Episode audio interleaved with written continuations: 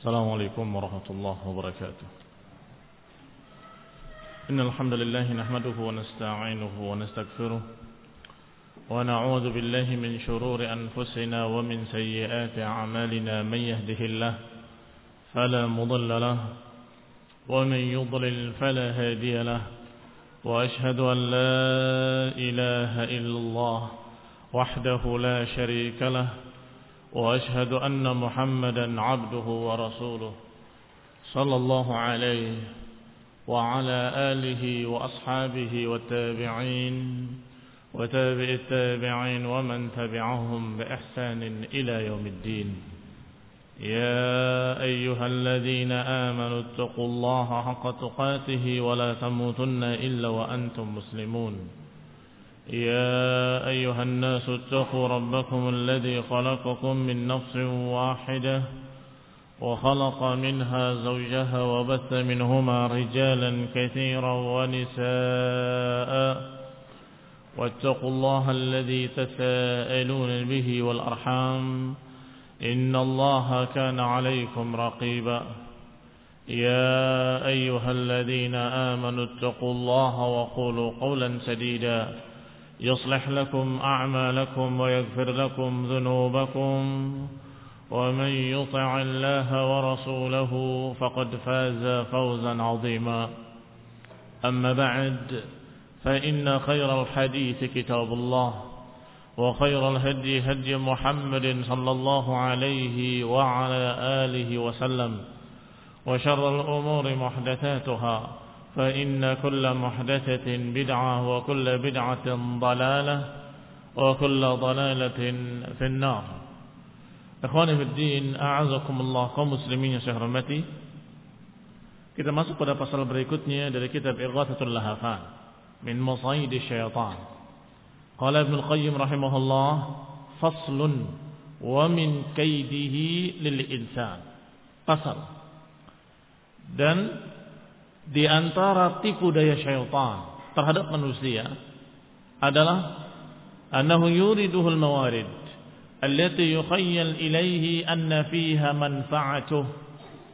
Thumma yusdiruhul masadir allati fiha 'atabuh kata Ibnu Qayyim rahimahullah di antara tipu daya syaitan adalah mengajak orang untuk memasuki jalan-jalan yang digambarkan, dibayangkan, dikhayalkan bahwa jalan tersebut fiha manfaatuh akan memberikan manfaat kepadanya. Yusdiruhu masadir. Ternyata dimasukkan ke jalan-jalan allati fiha atabuh. Jalan-jalan yang ternyata memberikan kesengsaraan dan kebinasaan kepadanya. Ini termasuk tipu daya syaitan. Mengajak kepada satu jalan, kemudian menggambarkan bahwa jalan itu akan membahagiakannya. Akan membuat dia senang, akan membuat dia mendapatkan manfaat-manfaat yang besar. Ternyata dibawa oleh syaitan kepada jalan-jalan yang membinasakan, yang menyengsarakan. Anhu. Setelah dia terjerumus, setelah manusia terjerumus ke dalam perkara-perkara yang jelek yang menyengsarakannya, menyusahkannya, justru syaitan yatakhalla anhu. Berlepas diri. Yuslimuhu menyerahkannya, memasrahkannya.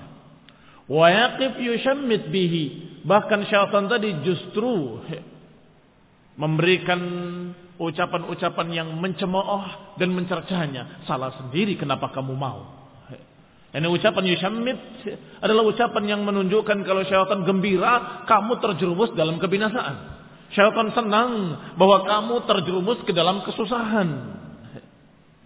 Ini iblis, lanatullah alaih. Wa yadhaq minhu. Syaitan mentertawakannya. Faya'muruhu bis Misalnya syaitan memerintahkannya, membujuknya bis dengan mencuri. Wazina wal qatl. Mencuri, berzina, membunuh. Dan digambarkan oleh iblis, oleh syaitan bahwa kalau kamu mencuri kamu akan cepat kaya. Kalau kamu berbuat curang, kamu akan mendapatkan keuntungan yang besar. Kalau kamu mau mengambil harta masyarakat, harta umat dengan korupsi, kamu akan cepat menjadi kaya raya.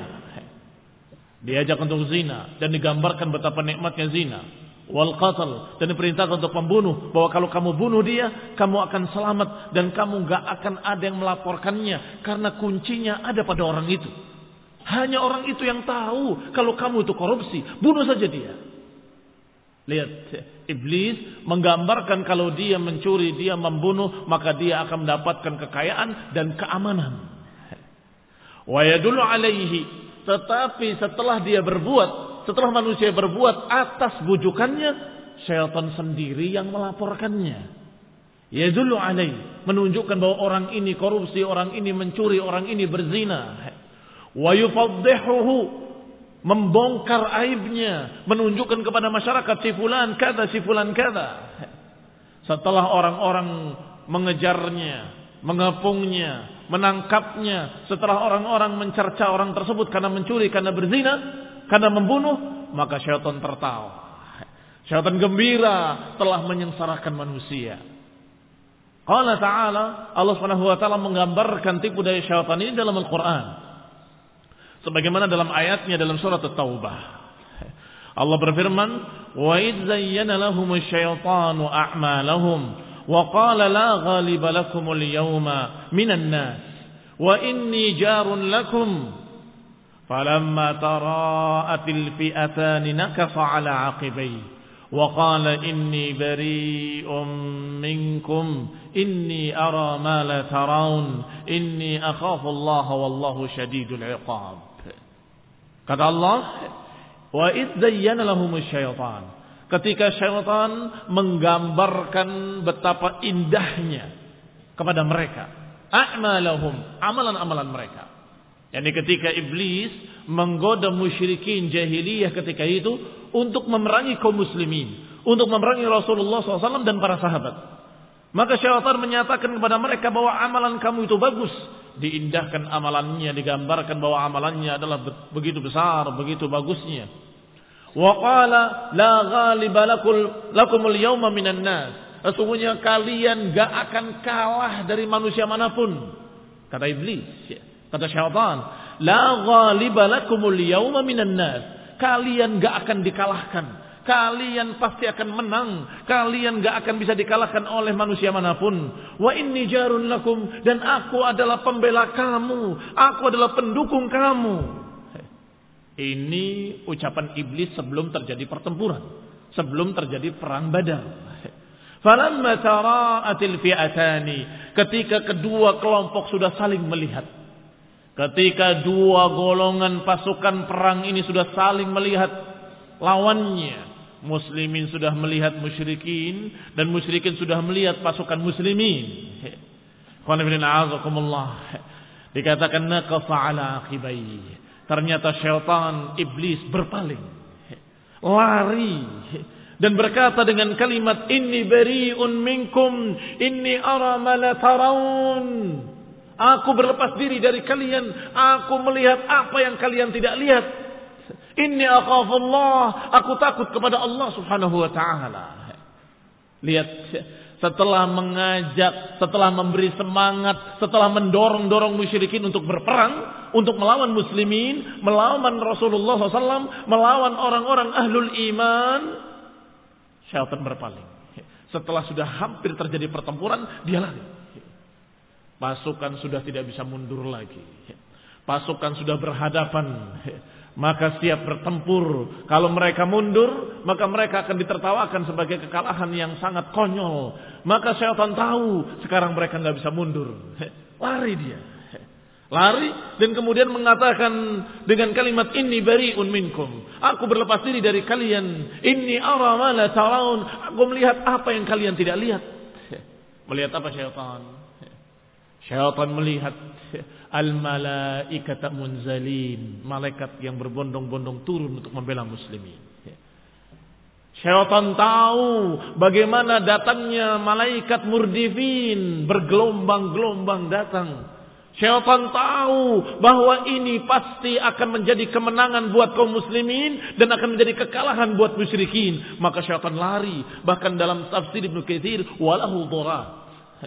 Lari dalam keadaan sampai dia terkentut-kentut larinya. Walahu durat. Naam. sampai dia lari ke tengah lautan sana karena takutnya.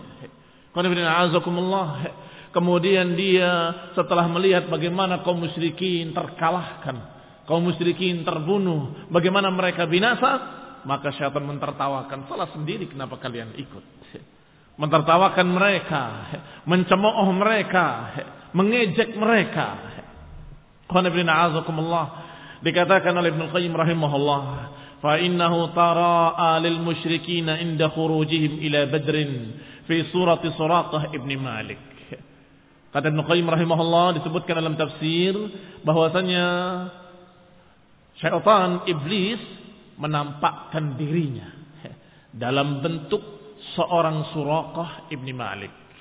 Seorang yang wajahnya mirip dengan Suraqah bin Malik. Menampakkan dirinya kepada musyrikin ketika mereka keluar ke daerah Badr untuk berperang, maka keluarlah syaitan iblis dalam bentuk manusia. Bentuknya seperti Suraqah ibn Malik. Dan Suraqah ibn Malik memiliki suku. Suku yang besar. Memiliki kabilah, kabilah yang besar. Kemudian berkata Suraqah ini. Atau aslinya adalah iblis. Ini atau ana jarun lakum min bani kinana. Aku adalah pembela kalian. Aku dari bani kinana. Maka mereka percaya semuanya karena bentuk tubuhnya seperti Suraqah dan Suraqah itu dari Bani Kinana. Maka ketika dia mengatakan ini jarun lakum, aku pembela kalian, aku pendukung kalian, aku dari Bani Kinana, maka dipahami oleh musyrikin bahwa suku besar yang bernama Bani Kinana akan membantu, akan membela dan akan melindungi para wanita dan anak-anaknya musyrikin. Apa makna ucapan iblis? Inni jarun lakum. Inni jarun lakum min bani kinana. An yasdihu atau an yaqsidu ahlakum. Wa dararikum. Bisu. Aku akan melindungi kalian anak-anak kalian dan istri-istri kalian dari kejelekan-kejelekan. Maka musyrikin berangkat dengan mantap karena keluarganya ada suku besar yang melindunginya itu Bani Kinana ini itu budaya iblis lanatullah alaihi Falamma ra'a aduwallahi junudallah. Ketika musuh Allah ini, iblis ini melihat junudallah. Melihat tentara-tentara Allah. Melihat para malaikat. Nazalat li nasri rasulihi. Ketika melihat malaikat turun untuk membela rasulnya. Farra. Lari iblis. Farra anhum, lari dari mereka. Wa aslamahum, dan memasrahkan mereka kaum musyrikin untuk diperangi oleh muslimin. Ini tipu daya syaitan. Janjinya janji-janji palsu. Angan-angannya angan-angan kosong. Ucapannya ucapan dusta. Ini jarun lakum. Itu dusta. Sampai kemudian mereka terkalahkan dalam perang Badar. Padahal jumlah mereka tiga kali lipat kaum muslimin. Kaum muslimin hanya 300 sekian. Sedangkan mereka seribu kurang lebih. Mereka terkalahkan biidnillah dengan malaikat yang munzalin. Dengan malaikat yang Allah turunkan. Sebagaimana disebutkan dalam syair oleh Al-Hassan. Dallahum bighurur. Thumma aslamahum Innal khabitha liman wallahu gharraru. Dikatakan bahwa syaitan menunjukkan mereka, menipu mereka bighurur dengan ucapan-ucapan dusta. Thumma aslamahum. Setelah itu memasrahkan mereka. Innal khabitha liman wallahu gharraru. Sesungguhnya orang yang jelek dia terhadap orang yang mentaatinya justru menjerumuskannya. Ini orang yang jelek, sejelek-jelek manusia, sejelek-jelek makhluk adalah yang menunjukkan kepada satu jalan kepada seseorang, tapi ketika orang itu menjalannya ditipu dan disengsarakannya. Inilah iblis. Liman wallahu gharraru. Terhadap orang yang berwala kepadanya justru dia menjerumuskan. Jadi yang menjadi pengikut syaitan justru orang-orang itulah yang akan ditertawakan oleh syaitan. Yang berwala, nurut, tunduk, mau ditipu oleh syaitan, justru syaitan mentertawakan mereka, mencemooh mereka, mengejek mereka, menyengsarakan mereka. Lihat jahatnya iblis. Aduwwun lakum. Musuh bagi kalian dan musuh bagi seluruh kaum muslimin. Wa kadzalika fa'ala alladhi qatala al-mar'ah wa waladaha. Demikian pula yang dilakukan oleh iblis terhadap seorang wanita dan anaknya. Wa amarahu bizina yang membisikkan iblis untuk pendeta ini berzina. Thumma biqatliha kemudian memerintahkannya untuk membunuhnya dengan membunuh anaknya Ahlaha alai kemudian menunjukkan keluarganya atas kelakuannya. Wa kasyafa amrahu lahum. Dan menyingkapkan apa yang terjadi itu kepada keluarganya Thumma amarahu bisujud kemudian memerintahkannya dengan sujud sampai ketika sudah sujud matilah dia. Ketika dia kafir maka syaitan tertawa mencemoohkannya, mengejeknya dan kemudian meninggalkannya. Ini bariun min, aku berlepas diri dari kamu. Ikhwan ini adalah isyarat terhadap kisah yang dikisahkan dalam riwayat Tabrani dengan sanad yang mauquf. Kisah ini banyak dikisahkan oleh para ulama, bahkan disebutkan kisahnya dari Abi Ali bin Abi Thalib, juga mauquf Ali bin Mas'ud dan mauquf Ali bin Abbas dan juga diriwayatkan dari Tawus dari sekian sahabat dikisahkan kisah ini. Kisah rahib, kisah pendeta yang dijuluki dengan nama Bersisa. Bersisa ini adalah seorang abid, ahli ibadah yang dikatakan saleh, yang dikatakan dia tidak pernah bermaksiat, hanya beribadah saja di tempatnya.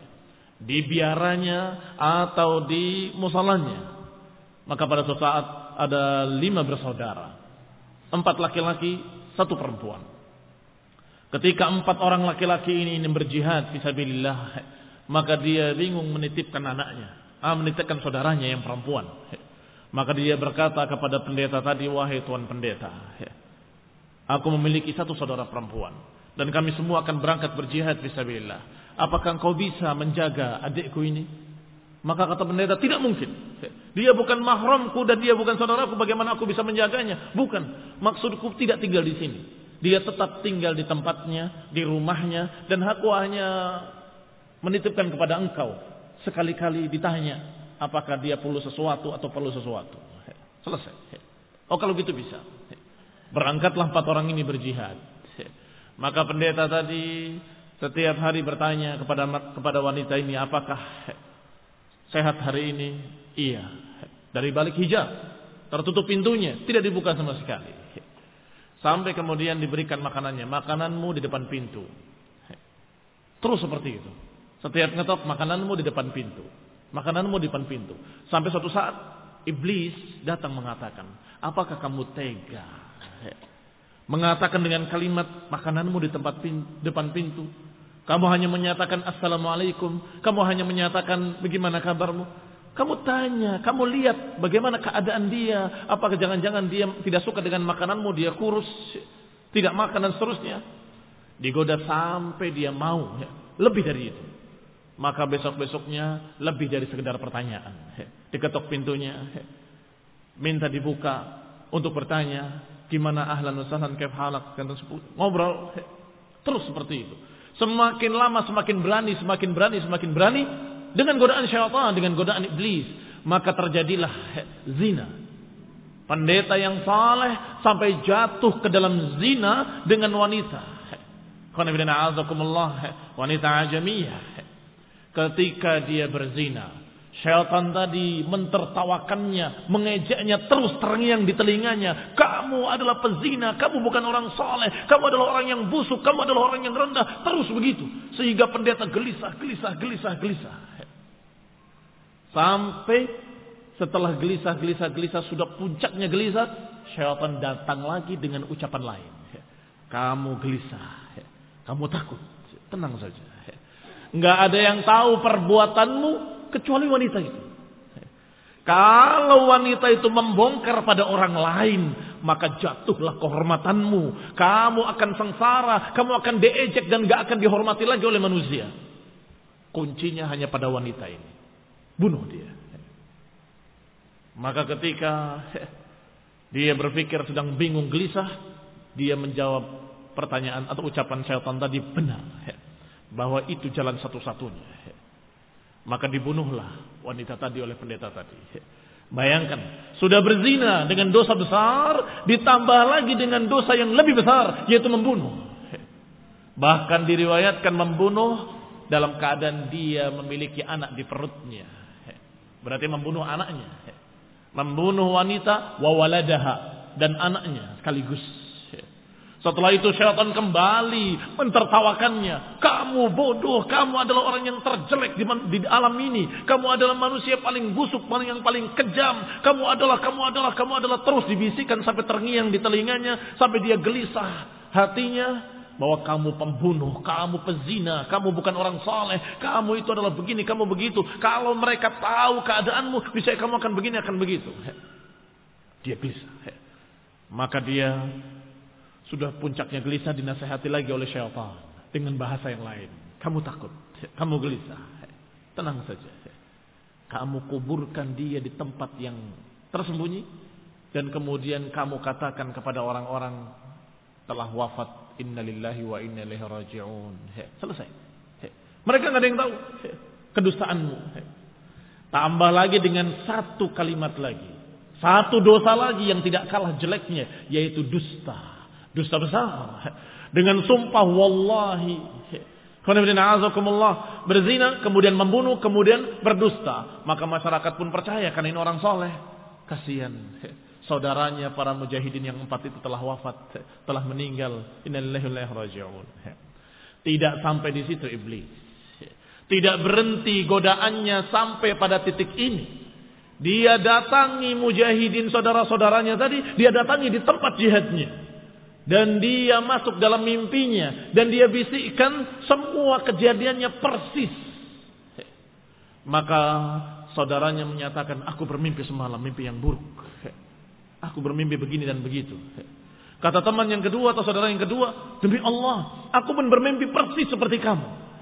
Kata yang ketiga, aku pun bermimpi sama. Yang keempat juga mengatakan begitu, aku pun bermimpi sama. Maka keempat orang tadi berbicara, saya yakin ini mimpi yang hak. Tidak mungkin. Ini pasti suatu kejadian yang benar. Maka ketika pulang, tanya kepada pendeta itu. Ke mana saudara kami? Beliau telah meninggal rahimahullah semoga Allah merahmati dia. Jangan dusta. Di mana kuburannya? Sungguh aku tidak berdusta. Dia telah meninggal, dia sakit kemarin, sakit ini. Tunjukkan kami. Ditunjukkan dan kemudian dibuktikan ternyata terbukti bahwa wanita tadi dibunuh. Ini dibongkar dilihat bagaimana keadaan wanita itu ternyata memang dalam keadaan terbunuh. Ya ini dengan luka-lukanya. Maka gemparlah Seluruh manusia ketika itu yang mengetahui kejadian ini dan pendeta tadi dalam keadaan dicemoohkan manusia, direndahkan oleh manusia. Bagaimana iblis, bagaimana syaitan senang, gembira dengan kesengsaraan sang pendeta ini. Bodoh kamu, kamu memang orang yang dungu, kamu mau saja diajak olehku, kamu, kamu, kamu dicerca. Sehingga masyarakat mencercanya, masyarakat mengejeknya, syaitan pun mengejeknya sehingga dia betul-betul sengsara dunianya, belum akhiratnya. Ruhnya, rohaninya sudah sengsara. Kemudian dihukum oleh masyarakat tersebut dengan disalib. Dipaku kanan, tangan kanan, tangan kirinya.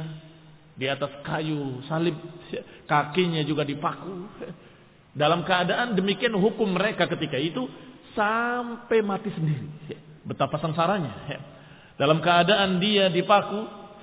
Terus lapar haus, lapar haus dengan kepanasan-kepanasan sampai matinya. Ini adab yang mengerikan baru adab dunia, belum adab akhirat. Apakah syaitan berhenti sampai di sini? Belum. Belum puas syaitan sampai orang itu kafir. Bagaimana caranya? Setelah melihat tertawa, dia sengsara, dia betul-betul tersiksa, si iblis tertawa, terbahak-bahak, senang. Tapi kemudian dia memiliki ide yang terakhir, yaitu ingin mengkafirkannya datang dalam bentuk seorang kakek-kakek yang bungkuk yang tua berkata kepadanya kasihan kamu tersalib di situ sampai matimu di sana tolong aku kalau kamu kasihan kata si pendeta tadi boleh aku bisa saja melepaskan patu itu aku bisa saja menyelamatkanmu tapi dengan syarat kamu sujud kepadaku Bagaimana aku akan sujud? Aku dalam keadaan disalib. Sujud saja dengan kepalamu dan niatmu dan hatimu. Itu cukup bagiku. Pokoknya kamu harus buka. Aku janji. Aku akan buka. Aku akan selamatkan engkau. Kalau engkau mau menuruti syaratku. Syaitan tahu bahwa orang ini sebentar lagi akan mati. Sampai kemudian pendeta tadi kemudian tertunduk kepalanya dengan niat sujud kepada orang tua itu tadi yang penting aku akan selamat. Ternyata ketika dia sujud dengan yakin dengan hatinya maka dia mati dalam keadaan kafir. A'udzubillahi minasyaitonirrajim. Biar berlindung pada Allah SWT dari godaan syaitan yang terkutuk. Kata Muqayyim rahimahullah, ini pun sama.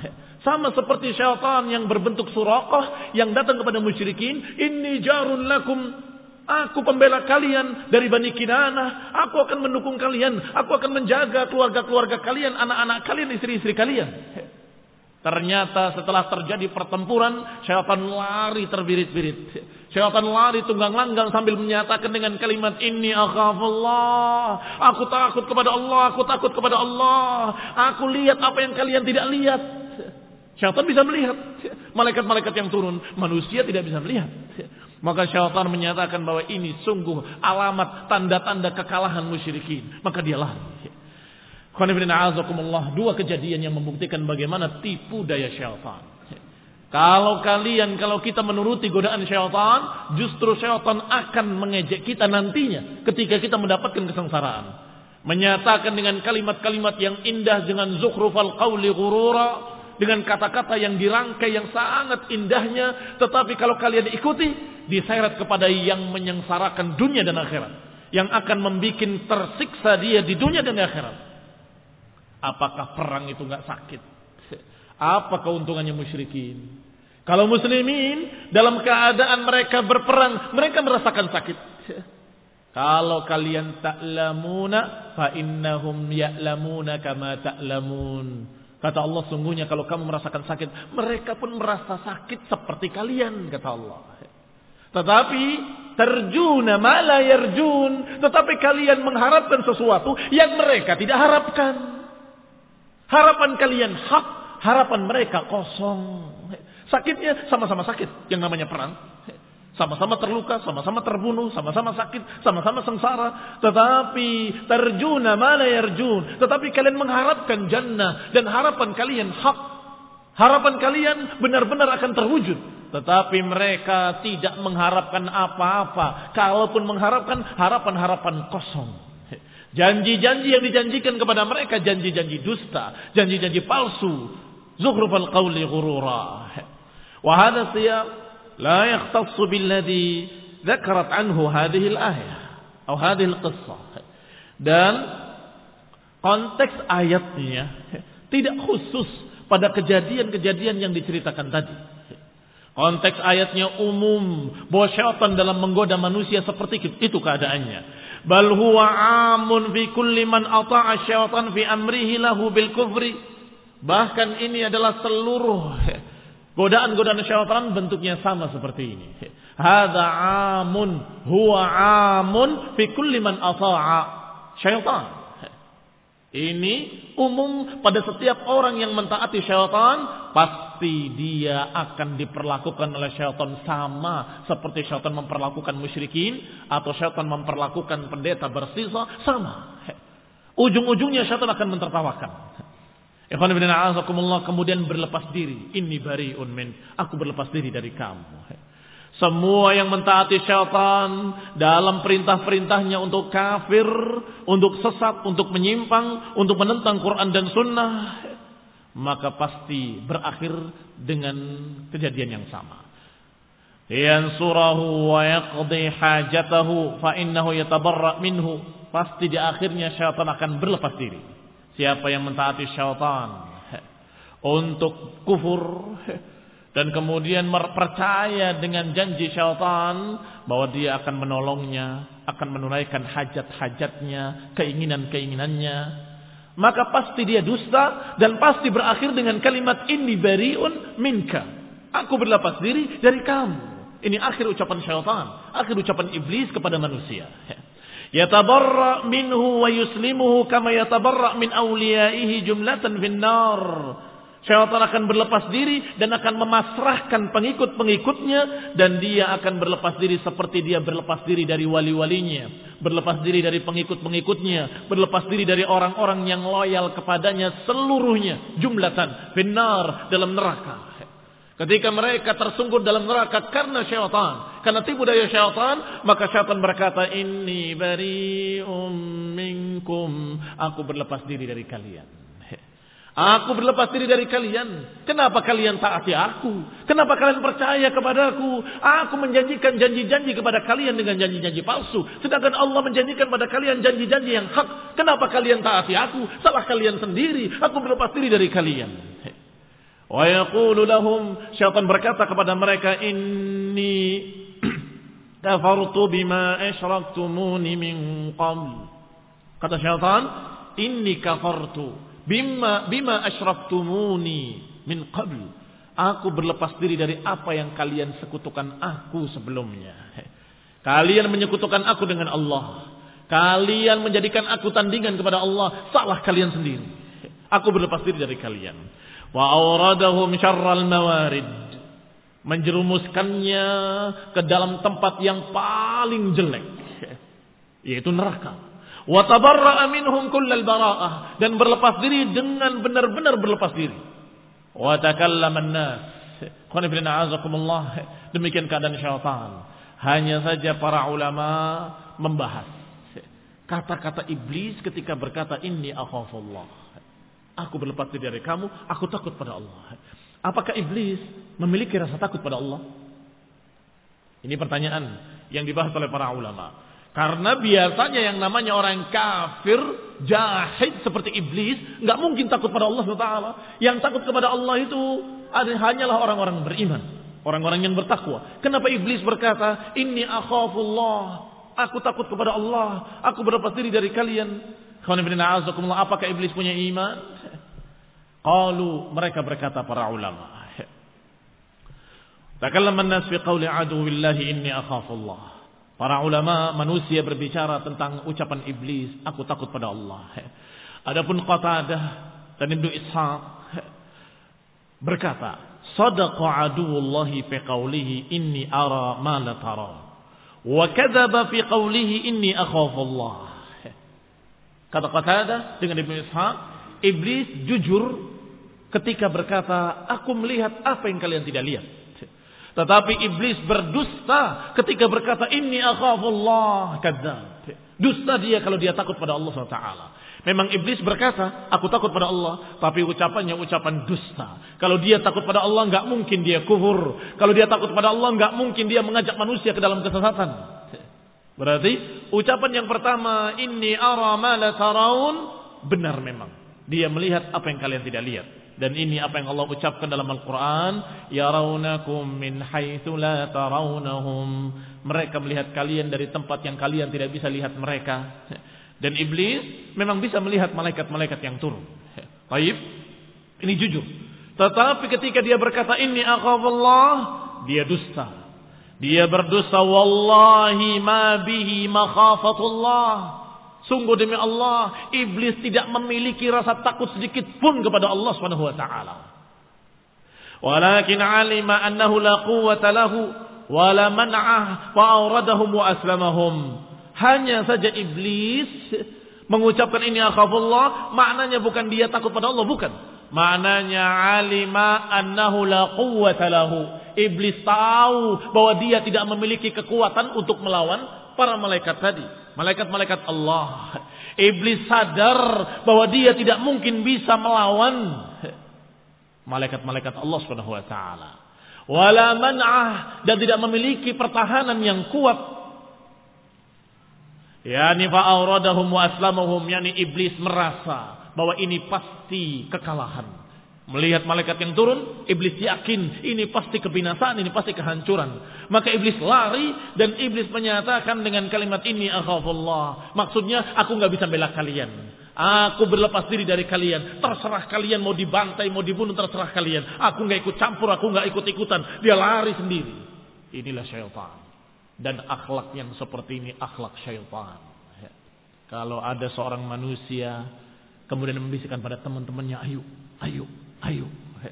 Diajak maksiat, diajak ke internet, diajak ke warnet, diajak untuk bermaksiat, diajak untuk ke seorang wanita untuk kenalan dengan si fulana. Setelah itu dia berlepas diri dan menyatakan salah sendiri saya nggak ikut ikutan. Kemudian dia menyelamatkan dirinya sendiri. Ini khonifidina azakullah sifatnya syaitan. Apalagi mentertawakannya, mencemoohkannya dengan tertawa terbahak-bahak mentertawakan orang yang sengsara tadi. Itu baru bentuk kecil dari sifat syaitan. Tetapi syaitan akan lebih daripada itu. Tidak akan berhenti dengan maksiat. Maksiat dilanjutkan dengan maksiat yang lebih besar. Maksiat yang lebih besar dilanjutkan lagi dengan kesesatan-kesesatan, kebinahan-kebinahan. Dilanjutkan lagi sampai dia kafir, murtad, keluar dari Islam. Baru puas. Ini iblis dan pengikut-pengikutnya. Dari kalangan jin dan juga dari kalangan manusia. Dikatakan oleh Ibnu Qayyim rahimahullah bahwasanya Qatadah dan Ibnu Ishaq menyatakan iblis berkata aku takut pada Allah maknanya iblis merasa tidak mungkin bisa mengalahkan pasukan Allah Subhanahu wa taala. Wa qala ta'ifatun dan berkata kelompok yang kedua dari para ulama, "Innama khafa batsyallahi ta'ala bihi fid dunya." Iblis hanya takut balasan Allah di dunia. Ya, ini hanya takut pada perkara-perkara yang bahir yang di dunia ini. Yang orang kafir pun di dunia takut. Orang kafir kalau terancam dengan ancaman yang mengerikan, takut atau tidak takut? Takut. Ancaman kekalahan, ancaman pembunuhan, ancaman sesuatu yang mengerikan, takut mereka. Dan sebagaimana mereka takut kepada ancaman-ancaman dunia tadi, iblis juga takut. Ini aku bakal binasa, bakal tersiksa dan seterusnya. Kama yakhaful kafir al-fajir an yuqtal au yu'khad bijurmihi. Sebagaimana takutnya orang kafir, sebagaimana takutnya para penjahat kalau mereka ketahuan, ditangkap, dihukum, yu'aqab bijurmihi, yukhad bijurmihi, disiksa karena dosa-dosanya atau karena kesalahan-kesalahannya di dunia seperti maling takut sama polisi. Itu aja. La annahu khafa iqabahu fil akhirah. Bukannya iblis takut dengan adab Allah di akhirat, bukan. Iblis sudah tahu bahwa dia pasti akan diadab dalam neraka. Iblis sudah tahu dengan ucapan laknat dari Allah Subhanahu wa taala bahwa dia tidak mungkin bisa selamat lagi. Wahada asahhu. Ini pendapat yang paling sahih kata Ibnu Qayyim rahimahullah. Wahadal khawf la yastazim imanan wala najatan. Karena kalau rasa takut yang seperti ini tidak menunjukkan konsekuensi keimanan. Rasa takut yang seperti ini wajar semua manusia mukmin ataupun kafir sama memiliki rasa takut terhadap perkara-perkara yang mengerikan. Maka rasa takut yang seperti ini mungkin saja terjadi pada syaitan. Sehingga syaitan berkata, Inni akhafullah. Aku takut kepada Allah subhanahu wa ta'ala. Yani takut adabnya di dunia, takut kebinasaan di dunia. Kenapa takut kebinasaan di dunia? Dia sudah dijanjikan dengan janji-janji. Oleh Allah subhanahu wa ta'ala. Ketika meminta kepadanya dengan kalimat amdirni ila yaumi yub'atsun. Ya Allah tundalah aku sampai hari dibangkitkan nanti. Apa kata Allah? Innaka minal mundharin. Disebutkan dalam ayat ila yaumil waqtil ma'lum sampai pada batas waktu yang sudah ditentukan. Allah katakan, engkau termasuk yang ditunda kematianmu sampai batas hari nanti, hari yang sudah maklum, yang sudah ditentukan oleh Allah Taala. Maka setiap kejadian seperti ini, iblis takut. Jangan-jangan itu waktu maklum, itu yang dijanjikan. Ini akhir kehidupanku, ini kebinasaanku. Itu ditakutkan oleh iblis. Dikatakan oleh Al-Kalbi, khafa an ya'khudahu Jibril fayu'arrifahum halahu fala yuti'unahu. Ada pendapat lain. Tetapi kata Ibnu Qayyim pendapat ini tidak tepat. Yaitu pendapat yang disebutkan oleh Al-Kalbi. Bahwa iblis menyatakan aku takut pada Allah. Maknanya aku takut kalau Jibril memberitahu tentang hakikatku, nanti akhirnya aku ketahuan oleh mereka, niscaya mereka nggak taat lagi sama aku. Ini azakumullah dikatakan hada fasidun. Ini pendapat yang salah. Fa innahu innama qala lahum dzalika ba'da an farra wa naqasa ala qibayh. Karena iblis berkata, aku takut pada Allah setelah dia lari, setelah dia berpaling, setelah dia berpaling dengan tumit-tumitnya melarikan diri, pengecut, penakut, melepaskan musyrikin, membiarkan mereka dibantai, dibunuh oleh muslimin. Maka nggak perlu malaikat membongkar keadaannya, manusia sudah tahu bahwa iblis adalah penipu besar. Iblis adalah pengecut, penakut. إلا أن يريد أنه إذا عرف المشركون أن الذي أجارهم وأوردهم إبليس لم يطيعوه فيما بعد ذلك atau kecuali bisa jadi kalau yang diinginkan adalah bahwa kalau musyrikin tahu kalau yang kemarin mengatakan aku jamin dengan pasukanku dari Bani Kinanah ternyata itu yang berbicara iblis maka lain waktu nggak akan taat lagi itu mungkin tapi itu pun masih pendapat yang lemah Pendapat yang asah kata Ibnu Qayyim adalah pendapat yang kedua tadi. Bahwasanya syaitan takut kalau waktu maklum tadi sudah datang. Karena Allah Subhanahu wa taala menyatakan innaka minal mundarin, engkau termasuk yang ditunda ila yaumil waqtil ma'lum, sampai pada batas waktu yang sudah ditentukan.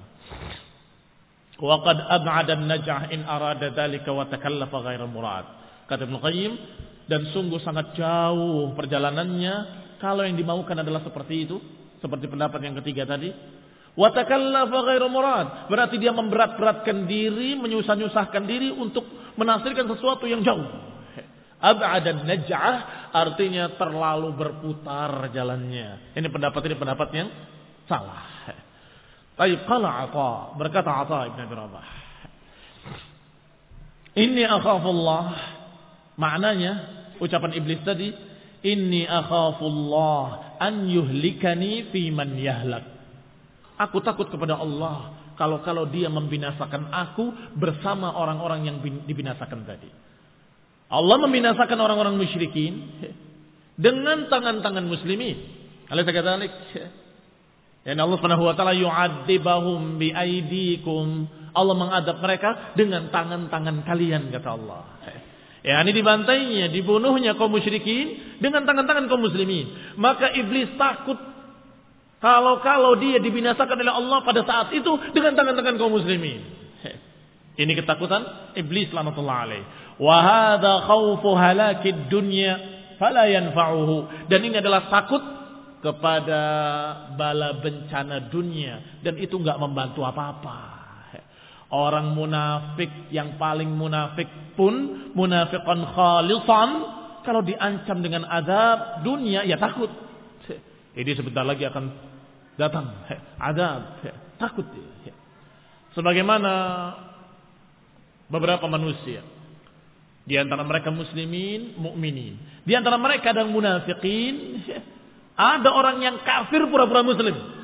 Tapi ketika penguasanya berkata, barang siapa yang berzina dan terbukti dengan empat saksi akan kami rajam. Barang siapa yang mencuri akan aku potong tangannya. Kata penguasanya, penguasa muslim. Maka mereka semuanya tidak ada yang mencuri, tidak ada yang berzina. Kalau orang-orang yang beriman tidak mencuri, tidak berzina karena takut adab Allah subhanahu wa ta'ala.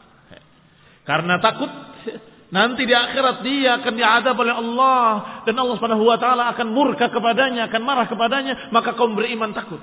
Tidak berani berzina, enggak berani mencuri. Tapi munafiqun khalisan tadi, orang yang pura-pura sebagai muslim padahal kafir, takut apa enggak takut dipotong tangannya? Takut. Enggak mencuri. Loh ini kok orang kafir diancam seperti itu enggak mencuri? Iya, takut dipotong tangannya. Ini kenapa enggak? Karena takut takut dirajam. Yang ini kenapa? Takut dicambuk takut dicambuk, takut dijarajam, takut dipotong. muslimin yang saya hormati. Berarti rasa takut mereka sangat rendahnya karena takutnya takut pada bencana dunia. Sedangkan orang-orang beriman takutnya kepada adab Allah fil akhirah, takutnya pada adab akhirat yang lebih dahsyat, yang lebih mengerikan dan takutnya jangan sampai Allah murka, jangan sampai Allah marah kepadanya karena mereka sangat berharap keridhaan Allah, sangat menginginkan keridhaan Allah Subhanahu wa taala. Maka iblis tadi ketika berkata, Inni akhafullah. Aku takut pada Allah. Maka maknanya bukan takut pada adab al-akhirah. Tetapi takut pada bencana-bencana dunia yang mungkin ditimpakan kepadanya. Qala Zajjaj wa Ibn al-Anbari. dhanna anna al-waqt alladhi anzarahu ilaihi qad hadara. Kata Al-Anbari dan juga Zajjaj bahwa iblis takut kalau-kalau dia menduga kalau-kalau waktu yang Allah tentukan kepadanya yang Allah tentukan untuknya telah datang. Yang ketika Allah katakan innaka minal mundarin ila yaumil waqtil ma'lum sampai hari yang sudah ditentukan, iblis takut jangan-jangan waktu yang ditentukan itu sekarang. Jangan-jangan sekarang ini kebinasaanku, maka dia lari sejauh-jauhnya. Dan ini yang paling tepat wallahu taala a'lam. Rasa takut yang sama sekali tidak mempengaruhi iman, tidak menunjukkan kalau dia punya iman. Zada Ibnu Al-Anbari ditambahkan oleh Ibnu Al-Anbari rahimahullah Qala akhafu an yakuna al-waqt al-ma'lum alladhi yazulu ma'ahu anzari qad hadara. Yakni kata iblis, aku takut kalau-kalau waktu yang ditentukan tadi akan datang kepadanya. Telah hadir sekarang. Fayaqul adab, akhirnya datang adab. Fa innahu lamma ayana al-malaikata khafa an yakuna waqtal inzar qad inqadha. Syaitan ketika melihat malaikat-malaikat dengan mata kepalanya, maka dia khawatir. Jangan-jangan waktu dia sudah berakhir. Waktu tundanya sudah berakhir. Faqala maqala. Maka berkatalah iblis dengan apa yang diucapkan. Ishfaqan ala nafsih. Karena dia mengkhawatirkan dirinya sendiri. نسأل التوفيق والعافية. سبحانك اللهم وبحمدك أشهد أن لا إله إلا أنت أستغفرك وأتوب إليك. والسلام عليكم ورحمة الله وبركاته.